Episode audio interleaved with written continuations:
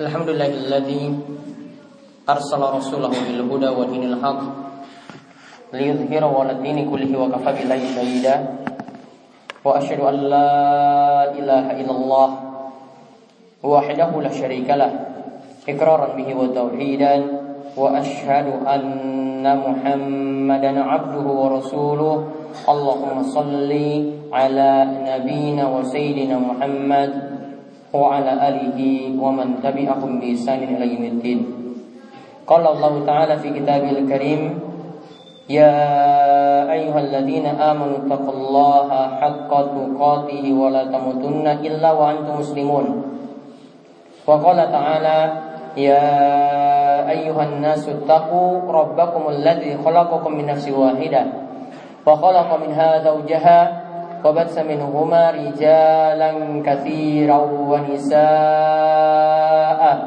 واتقوا الله الذي تساءلون به والأرحام إن الله كان عليكم رقيبا وقال تعالى يا أيها الذين آمنوا اتقوا الله وقولوا قولا سديدا يصلح لكم أعمالكم ويغفر لكم ذنوبكم ومن يطع الله ورسوله فقد فاز فوزا عظيما.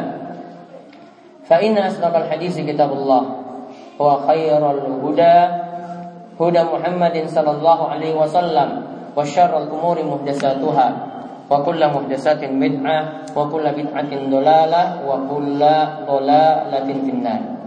Ma'asyiral muslimin Jamaah sholat Jumat Yang semoga selalu dirahmati dan diberkahi oleh Allah subhanahu wa ta'ala. Kita bersyukur kepada Allah Pada kesempatan Jumat kali ini Tepatnya kita berada pada tanggal 9 Ramadan 1436 Hijriah. Kita masih diberikan nikmat oleh Allah subhanahu wa ta'ala Masih dimudahkan langkah kaki kita ke masjid yang mulia ini. Kemudian kita diberi kesempatan juga dengan diberikan kesehatan, dengan diberikan umur panjang sehingga kita bisa duduk dan juga nantinya bisa melaksanakan sholat Jumat secara berjamaah. Mudah-mudahan nikmat-nikmat yang ada yang Allah Subhanahu wa taala berikan ini dapat kita syukuri dan juga dapat kita gunakan untuk melakukan ketaatan kepada Allah Subhanahu wa taala. Semoga salawat dan salam pula tercurahkan kepada junjungan kita Nabi besar, Nabi agung, Nabi penutup para nabi yaitu Nabi besar kita Muhammad sallallahu alaihi wasallam juga kepada para sahabat, para khulafaur rasyidin yang mulia, begitu juga kepada para tabi'in, para tabi'ut tabi'in serta para ulama yang telah memperjuangkan agama ini. Mudah-mudahan kita dapat mengikuti jejak jejak mereka dalam menempuh jalan-jalan kebaikan. Masyarul muslimin rahimani wa rahimakumullah. Suatu ayat yang disebut para ulama dengan ayat-ayat puasa. Yaitu kalau kita membuka dalam Al-Quran Bisa dapat kita saksikan pada surat Al-Baqarah Dari ayat 183 sampai ayat 188 Di dalamnya membicarakan tentang masalah ibadah siam ibadah puasa yang kita lakukan pada saat ini. Kali ini kita akan melihat dari surat Al-Baqarah yaitu ayat ke-185. Dan kita lihat faidah-faidah penting yang ada dalamnya dan ini akan semakin memahamkan kita tentang ibadah-ibadah yang kita lakukan di bulan Ramadan ini. Allah Subhanahu wa taala itu berfirman, syahru Ramadan alladhi unzila fihi al-Qur'an hudan lin-nasi wa bayyinatin minal huda wal furqan faman syahida minkum asy-syahra falyasum wa man kana maridan aw ala safarin fa'iddatun min ayyamin ukhar yuridullahu bikumul yusra wa la yuridu bikumul usra ولتكملوا عدة ولتكبروا الله على ما هداكم ولعلكم تشكرون Allah Subhanahu wa taala berfirman, bulan Ramadan adalah bulan diturunkannya Al-Qur'an. Bulan Ramadan adalah bulan diturunkannya Al-Qur'an. Di mana Al-Qur'an ini adalah hudan linnas petunjuk bagi manusia. Wa bayyinatin minal huda dan penjelasan dari petunjuk tadi. Wal Furqan dan Al-Quran ini juga menjelaskan mana yang benar dan mana yang keliru. Kemudian dikatakan siapa yang menyaksikan awal bulan yaitu dengan melihat hilal maka hendaklah dia berpuasa. Sedangkan yang tidak mampu berpuasa karena sakit atau dia tidak berpuasa karena melakukan perjalanan jauh, fa'iddatum min ayyamin ukhar maka hendaklah dia nyaur, dia ganti puasanya di hari-hari yang lainnya. Yuridullahu bikumul yusra wa la yuridu bikumul usra. Dan Allah itu menginginkan kepada kalian itu kebajikan dan tidak ingin menyulitkan kalian. Walitukmilul iddata dan hendaklah kalian menyempurnakan puasa sesasi penuh, sebulan penuh Walitukabbirullaha ala ma hadakum lantas kalian bertakbir nanti di akhir-akhir bulan Ramadan yaitu setelah menjalankan ibadah sesasi penuh tadi kemudian hendaklah kalian menjadi orang-orang yang bersyukur. Masyaallah muslimin rahimani wa rahimakumullah. Di dalam surat ini kita bisa melihat beberapa faedah di dalamnya. Yang pertama, bulan Ramadan itu adalah bulan diturunkannya Al-Qur'an. Yaitu Al-Qur'an secara utuh itu turun pada bulan Ramadan tepatnya pada malam Lailatul Qadar. Sebagaimana disebutkan dalam surat Al-Qadar inna anzalnahu fi lailatul qadar. Sesungguhnya kami yaitu Allah menurunkan Al-Qur'an pada malam Lailatul Qadar. Kata para ulama, Al-Quran itu diturunkan secara utuh, secara penuh tadi pada malam Lailatul Qadar. Kemudian nanti Al-Quran turunnya secara berangsur-angsur sesuai momen-momen atau peristiwa tertentu yang nanti dialami oleh Nabi Shallallahu Alaihi Wasallam. Ketika tentang masalah sholat maka nanti beliau mendapatkan ayat tentang sholat. Ketika masalah wudhu maka nanti beliau mendapatkan ayat tentang wudhu. Ketika mendapatkan masalah puasa beliau akan diturunkan tentang ayat yang menjelaskan masalah puasa. Jadi Al-Quran akan turun secara berangsur-angsur setelah itu. Dari sini juga para ulama itu nyatakan bahwasanya bulan Ramadan itu adalah bulan yang disibukkan dengan Al-Quran. Bulan Ramadan itu adalah bulan yang disibukkan dengan Al-Quran. Karena Nabi Wasallam sendiri ketika di bulan Ramadan beliau sampai mengatakan Al-Quran sebanyak sekali dengan malaikat Jibril alaihissalam. Bahkan menjelang akhir ayat hidup beliau, beliau mengatakan Al-Quran sampai dua kali bersama dengan malaikat Jibril alaihissalam. Oleh karena itu para ulama itu sampai konsen ingin konsentrasi dalam ibadah ketika mereka berjumpa dengan bulan Ramadan. Ada yang punya majelis-majelis hadis, ada yang punya majelis-majelis fikih. Mereka ketika itu meninggalkan majelis-majelis tadi dan beralih kepada majelis Al-Qur'an. Diceritakan misalnya Al-Aswad bin Yazid, begitu juga Qatadah bin Da'ama, begitu juga Imam Syafi'i rahimahullah. Ketiga ulama besar ini Al-Aswad bin Yazid itu mengatakan sampai berkali-kali di bulan Ramadan. Begitu juga Qatadah bin Da'ama sampai di akhir-akhir bulan Ramadan yaitu di 10 hari terakhir bulan Ramadan beliau mengatakan satu hari satu kali hatam. Bahkan Imam Syafi'i yang lebih dahsyatnya lagi beliau rata-rata di bulan Ramadan setiap harinya itu hatam dua kali. Karena dalam sebulan beliau bisa mengatakan Al-Quran sebanyak 60 kali. Namun di sini mereka ini adalah orang-orang yang paham Al-Quran sehingga orang yang ingin konsen dalam Al-Quran seperti tadi ingin baca maka hendaklah dia menjadi orang-orang yang paham. Maka sebagaimana kata Nabi SAW, la yafqa man qarahu fi aqalla min salat. Tidak akan paham Al-Quran jika ada orang yang membaca Al-Quran hatam kurang dari tiga hari. Lalu apa yang dilakukan oleh para ulama tadi ada yang bisa dalam sehari bisa dua kali khatam. Ini menunjukkan bahwasanya mereka itu sudah memahami Al-Quran Sedangkan kita-kita ini Kalau ingin memahami Al-Quran Itu lebih baik ya daripada sekedar membaca Namun sekedar membaca Al-Quran pun Di bulan Ramadan itu mendapatkan pahala dan inilah yang terjadi tadi pada Nabi SAW dengan malaikat Jibril. Jadi kita diperintahkan di bulan Ramadan, semisal mungkin kita bisa mengatakan Al-Quran, atau tidak kita menjadikan waktu-waktu kita secara khusus untuk mengkaji Al-Quran.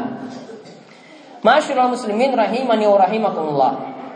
Kemudian di sini dijelaskan tentang kewajiban puasa. Ketika awal bulan Ramadan itu sudah tiba dengan terlihatnya hilal, maka ketika itu hendaklah puasa itu dilakukan. Namun mungkin ada orang-orang yang dapat uzur tidak berpuasa. Ada tiang sakit, ada orang yang sakit maka ketika itu dia dapat uzur tidak berpuasa. Dan juga ada orang yang bersafar. Dia juga dapat uzur tidak berpuasa. Namun orang yang tidak berpuasa ini hendaklah fa'iddatum min ayyamin ukhar. Dia ganti puasanya di hari-hari yang lainnya jadi tetap asalnya puasa itu wajib bagi orang yang sehat Begitu juga bagi mukimin, orang yang mukim tidak bersafar, mereka tetap wajib puasa. Namun orang yang berat untuk menjalani puasa, maka hendaklah dia itu mengganti puasanya di hari yang lain.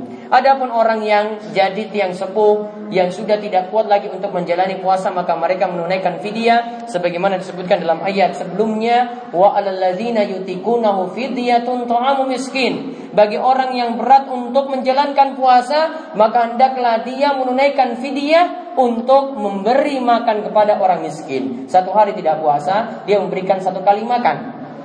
Dua hari tidak puasa berarti memberikan dua kali makan dan ini bisa diberikan dengan satu bungkus makanan. Berarti orang yang tidak puasa karena sudah sepuh sebanyak 30 hari maka nanti dia memberikan 30 bungkus makanan. Kemudian dalam ayat ini juga disebutkan kalau tadi ada keringanan. Orang yang sakit dan orang yang melakukan perjalanan jauh itu berat untuk menjalani puasa, maka mereka boleh ganti puasanya di hari yang lainnya. Ini menunjukkan agama kita ini adalah agama yang mudah.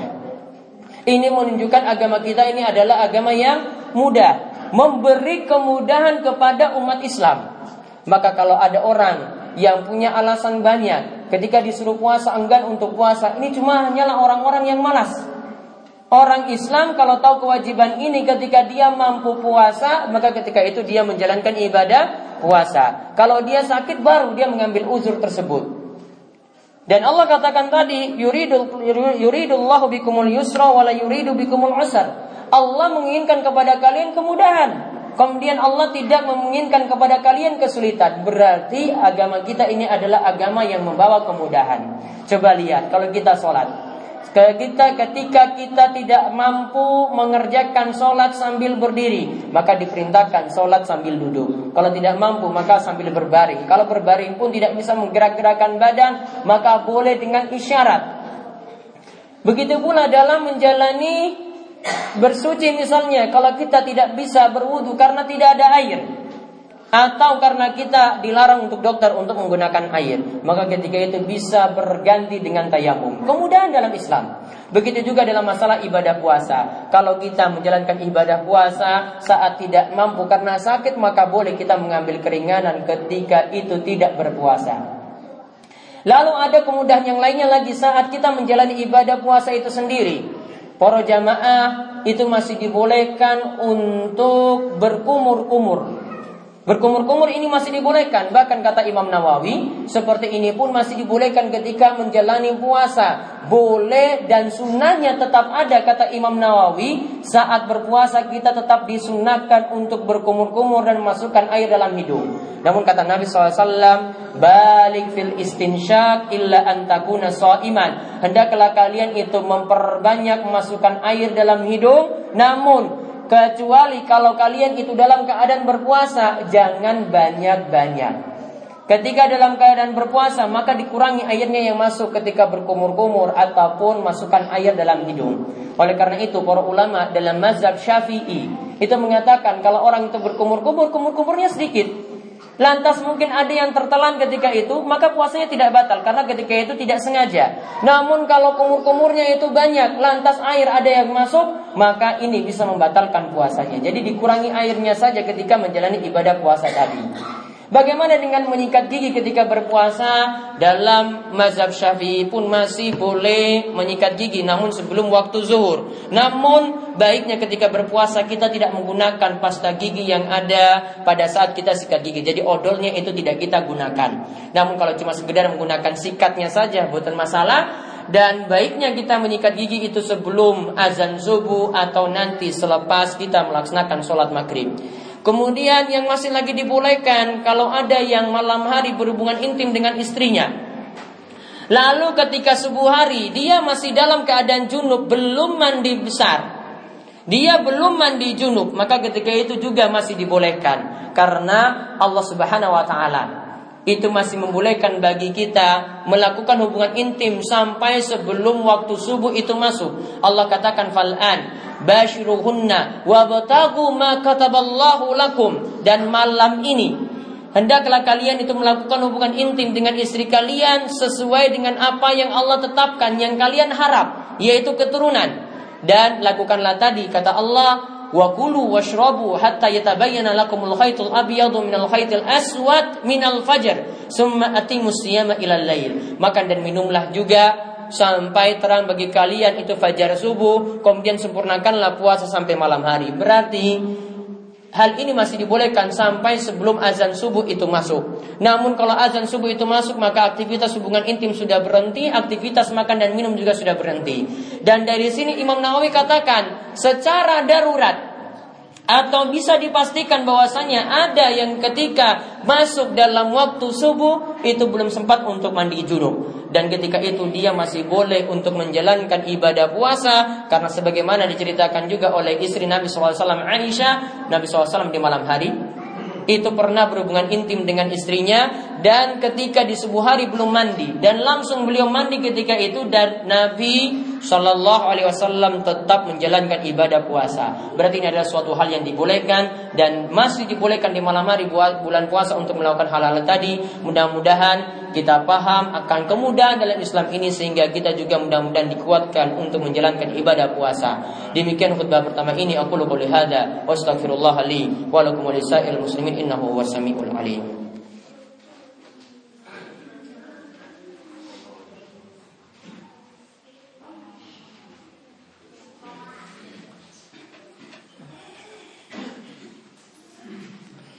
Alhamdulillahirabbil alamin.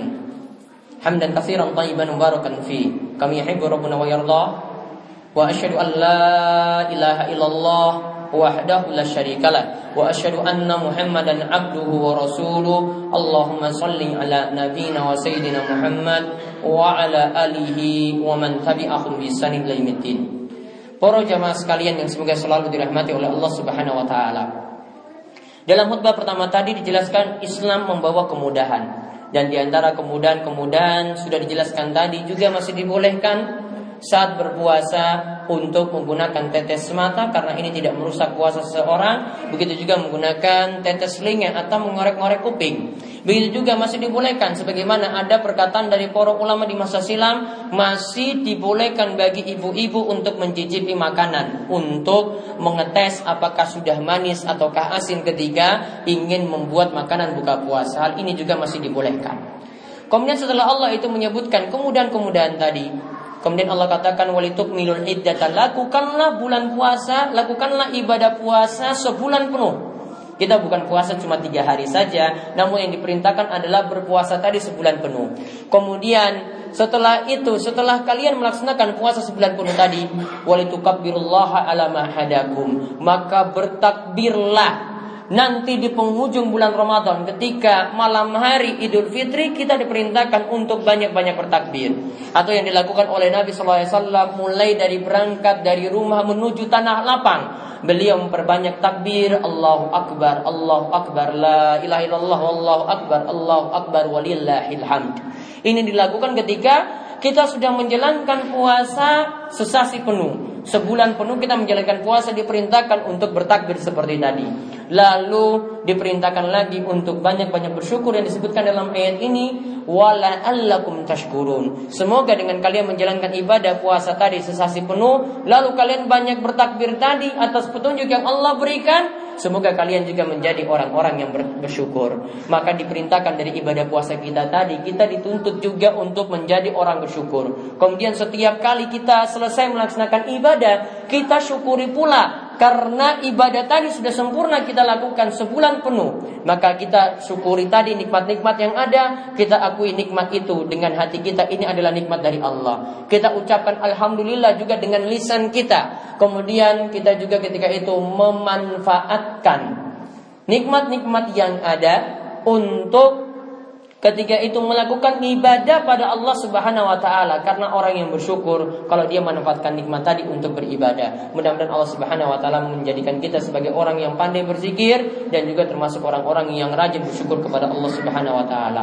Para jamaah sekalian di hari Jumat yang penuh barokah ini, Nabi SAW juga menganjurkan kepada kita untuk banyak-banyak berselawat kepada beliau. Siapa yang berselawat kepada Nabi SAW sekali, maka Allah akan membalas selawatnya sebanyak 10 kali. Inna Allah wa malaikatahu ayyuhalladzina amanu sallu alaihi wa sallimu taslima. Allahumma salli ala Muhammad wa ala ali Muhammad kama sallaita ala Ibrahim wa ala ali Ibrahim innaka Hamidun Majid. Allahumma barik ala Muhammad wa ala ali Muhammad kama barakta ala Ibrahim wa ala ali Ibrahim innaka Hamidun Majid. Marilah kita memanjatkan doa pada Allah. Mugi-mugi Allah memperkenankan doa kita di hari penuh barokah ini dan juga di bulan penuh barokah yaitu bulan Ramadan. Allahumma fir muslimina wal muslimat wal mu'minina wal mu'minat al ahya'i minhum wal amwat innaka sami'un qaribun mujibud da'wat. Allahumma qsim lana min khasyatika ma tahulu bihi bainana wa baina ma'siyatik ومن طاعتك ما تبلغنا به جنتك ومن اليقين ما تهون به علينا مصائب الدنيا اللهم متئنا بأسمائنا وأبصارنا وقواتنا ما أحييتنا واجعله وارث منا واجعل ثأرنا على من ظلمنا وانصرنا على من أدانا ولا تجعل مصيبتنا في ديننا ولا تجعل الدنيا أكبر همنا ولا مبلغ علمنا ولا تسلط علينا من لا يرحمنا اللهم ألف بين قلوبنا وأصلح ذات بيننا واهدنا سبل السلام ونجنا من الظلمات إلى النور ربنا هب لنا من أزواجنا وذريتنا قرة أعين واجعلنا للمتقين إماما ربنا أتنا في الدنيا حسنة وفي الآخرة حسنة وقنا عذاب النار ربنا آتنا في الدنيا حسنة وفي الآخرة حسنة وقنا عذاب النار ربنا آتنا في الدنيا حسنة وفي الآخرة حسنة وقنا عذاب النار إن الله يأمر بالعدل والإحسان وإيتاء ذي القربى وينهى عن الفحشاء والمنكر والبغي يعظكم لعلكم تذكرون ولذكر الله أكبر أقيموا الصلاة